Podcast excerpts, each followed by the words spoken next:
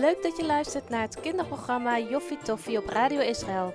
Dus ga maar even lekker voor zitten en luister naar wat Mirjam te vertellen heeft. Hallo kleine mensen en grote mensen. Wat Joffie tof dat je weer luistert naar een nieuwe aflevering van Joffie Toffie. Vorige week hebben we het over de Grote Verzoendag gehad. Weten jullie dat nog? En Grote Verzoendag, dat was vorige week maandag. Dus eigenlijk begon het zondagavond, zoals ik jullie heb uitgelegd. En het duurde tot maandag. En ik wil jullie graag wat meer vertellen over wat er allemaal gebeurt op Grote Verzoendag. Want vroeger bij de Israëlieten was Grote Verzoendag de allerbelangrijkste dag van het hele jaar. Want wat er toen gebeurde is dat de hoge priester, dat is de belangrijkste priester, die mocht dan het heilige der heiligen in de tempel binnen. En het heilige der heiligen, dat was de plek waar de ark van het verbond stond. En dan mocht de hoge priester, alleen de hoge priester, één keer per jaar naar binnen, met grote verzoendag. En ik vertelde vorige week al dat dat de dag was waarop het volk kreeg te horen of ze hun zonden wel vergeven zouden zijn. En daarom ging de hoge priester naar binnen om dat met God te bespreken. Maar voordat hij naar binnen ging, waren er ook twee geitenbokjes. Een van die twee geitenbokjes, die moest geofferd worden. En het andere geitenbokje, daar werd als het ware alle zonde van het hele volk werd daar opgelegd. En die werd de woestijn in gestuurd. En als alles dan helemaal goed gedaan werd, zoals God het graag zag, en iedereen goed berouw had van de zonde, dan hoorden ze of de zonden vergeven waren. En nou heb ik zelf eigenlijk nooit gehoord dat God met Grote Verzoendag de zonde niet vergeven hadden.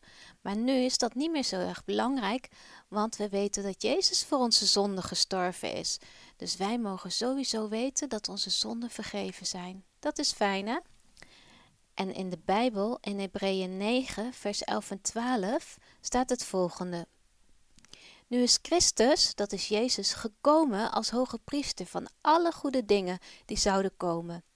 Het heiligdom waarin hij dient is belangrijk en volmaakt. Dat heiligdom is niet door mensen gemaakt. Het staat ook niet hier op aarde, maar is in de hemel. En hij bracht er geen bloed van geiten en stieren binnen, maar hij bracht zijn eigen bloed. En daarmee is hij in één keer voor altijd binnengegaan in het he heiligdom. En daarmee zorgde hij dat wij voor eeuwig gered zouden zijn. Zie je wel, zo staat het ook in de Bijbel. En vorige week zaterdag begon het Loofhuttenfeest. En dat is een supergroot leuk feest. Maar het zal helaas nog een paar weekjes duren voordat ik daar wat meer over ga vertellen. En voordat ik het verhaal begin wat daarover gaat. Maar ik wil het wel vast zeggen. Maar we gaan nu nog een paar weekjes doorlezen over Grote Verzoendag. Zullen we snel doorlezen over het verhaal van Malik? Weet je nog? Dat hij op een schip zat en dat hij een hele grote vis had gezien. Nou, we gaan snel lezen. Als Malik gaat eten, gaat hij naast Asur zitten. Asur is zijn vriend geworden. Asur, begint Malik. Wie is die stille man die daar aan de overkant zit? Malik knikt met zijn hoofd in de richting van de vreemde man. Ik weet het niet precies, jongen, fluistert Asur. Hij heet Jona en hij schijnt een profeet uit Israël te zijn. Ik heb geen idee waarom hij naar Tarsus wil. Na het eten moet Malik met Sargon een zeil repareren. Sargon is een, ook een scheepsjongen, maar hij is wel wat ouder dan Malik. De jongens werken stilzwijgend door en Malik denkt aan de geheimzinnige man. Hij zit nu vooraan op het schip en kijkt uit over zee. Jona, dat betekent duif, denkt Malik ineens. Wat een aparte naam eigenlijk. Malik betekent koning. Daar had hij altijd over gedroomd, dat hij een koning zou worden en zou gaan heersen over. Zo, jongens, schiet het al een beetje op met het zeil, klinkt het ineens. Malik kijkt geschrokken omhoog. Daar staat de kapitein. Hij kijkt keurend naar het zeildoek. Werk je wel door, Malik? vraagt hij. Malik is weer helemaal bij de les. Vlug buigt hij zijn hoofd over het zeil en gaat hard aan het werk.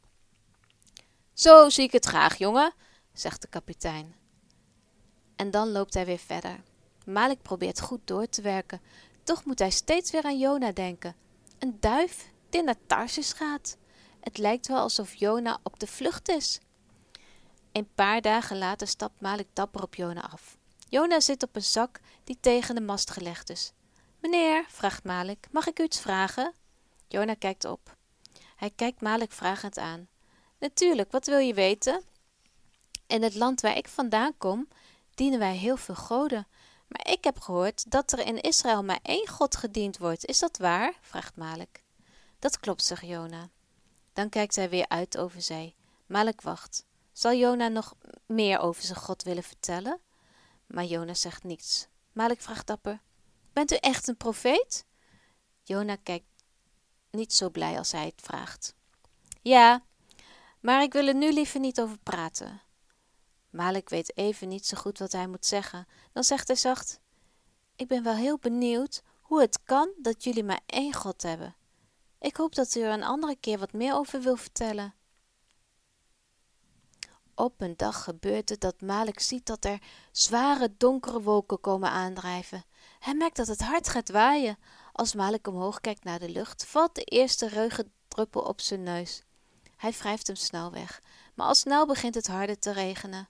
De kapitein komt het dek op en roept allerlei bevelen naar de mannen. De zeilen moeten worden binnengehaald, alle losse spullen aan dek moeten naar beneden gebracht worden en goed vastgemaakt worden. Azur komt op Malik af en zegt: Blijf dicht bij me, jongen, deze storm is voorlopig nog niet voorbij. Malik voelt zich bang worden, maar hij ziet dat Azur heel rustig blijft. Jona stop, staat op en gaat het ruim in. Malik merkt dat de golven hoger en hoger worden en het schip wordt als een speelbal heen en weer gegooid. Hij moet zich steeds vaker vastgrijpen aan een balk of aan een mast.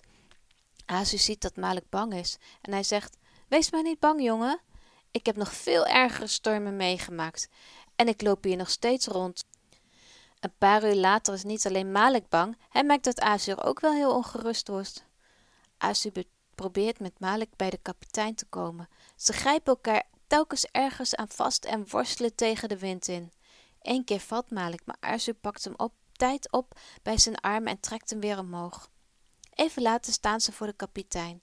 Boven het bulderen van de wind uit roept Azur: Kapitein, mag ik toestemming vragen om met Malik naar binnen te gaan? Dit is zijn eerste reis en ik denk dat het gevaarlijk voor hem is om nog langer aan dek te blijven. De kapitein knikt en wijst met zijn hand naar beneden. Breng hem maar naar het ruim, schreeuwt hij. Malik ziet dat zelfs de kapitein bang is. Zegt tegen iedereen beneden aan het dek dat ze aan de goden moeten vragen of deze vreselijke storm mag ophouden. Anders zullen we vergaan, roept de kapitein nog achter Azur en Malik aan. Terwijl ze zich weg terug, een weg terug proberen te worstelen om in het ruim te komen, denkt Malik: Bidden tot goden? Dat heeft me nog nooit geholpen. Toen ik in Nineveh was, heb ik zo vaak zo lang gebeden om te vragen dat de ruzies op zouden houden. Malik gaat al zwiepend en zwaaiend van de ladder af. Hij zoekt een plekje in het ruim. Overal liggen zakken en kratten en alles was zo netjes opgestapeld, maar het ligt nu allemaal door elkaar. Er branden een paar lampen en het is schemerig. En Malik wordt steeds weer heen en weer geslingerd. Hij grijpt zich uiteindelijk vast aan een balk en klemt zich eromheen. Ineens moet hij heel erg hard huilen. Zal hier in dit schip moeite moeten sterven? En wat dan? Zijn eigen goden kunnen hem niet helpen. Dat heeft hij al lang gemerkt. En plotseling denkt hij aan de God van Jona. Zou die God misschien wel luisteren? Zou die God misschien wel machtig zijn om iets te doen? Niemand merkt het als Malik voor het eerst roept naar God. Help ons, God van Jona. Als u machtig bent, laat deze vreselijke storm dan ophouden. Nou, wij weten allemaal wel hoe het verhaal verder loopt, hè? Maar Malik weet dat niet. Ik ben benieuwd hoe Malik het allemaal gaat beleven en wat hij zal doen. Luister je volgende week ook weer mee? Tot dan! Dit was Joffie Toffie, het kinderprogramma van Radio Israël. Wil je nog graag iets kwijt? Stuur ons dan gerust een berichtje op joffietoffie.radioisrael.nl De presentatie was in handen van Mirjam en we vonden het joffie tof dat je luisterde en hopen dat je er volgende keer weer bij bent.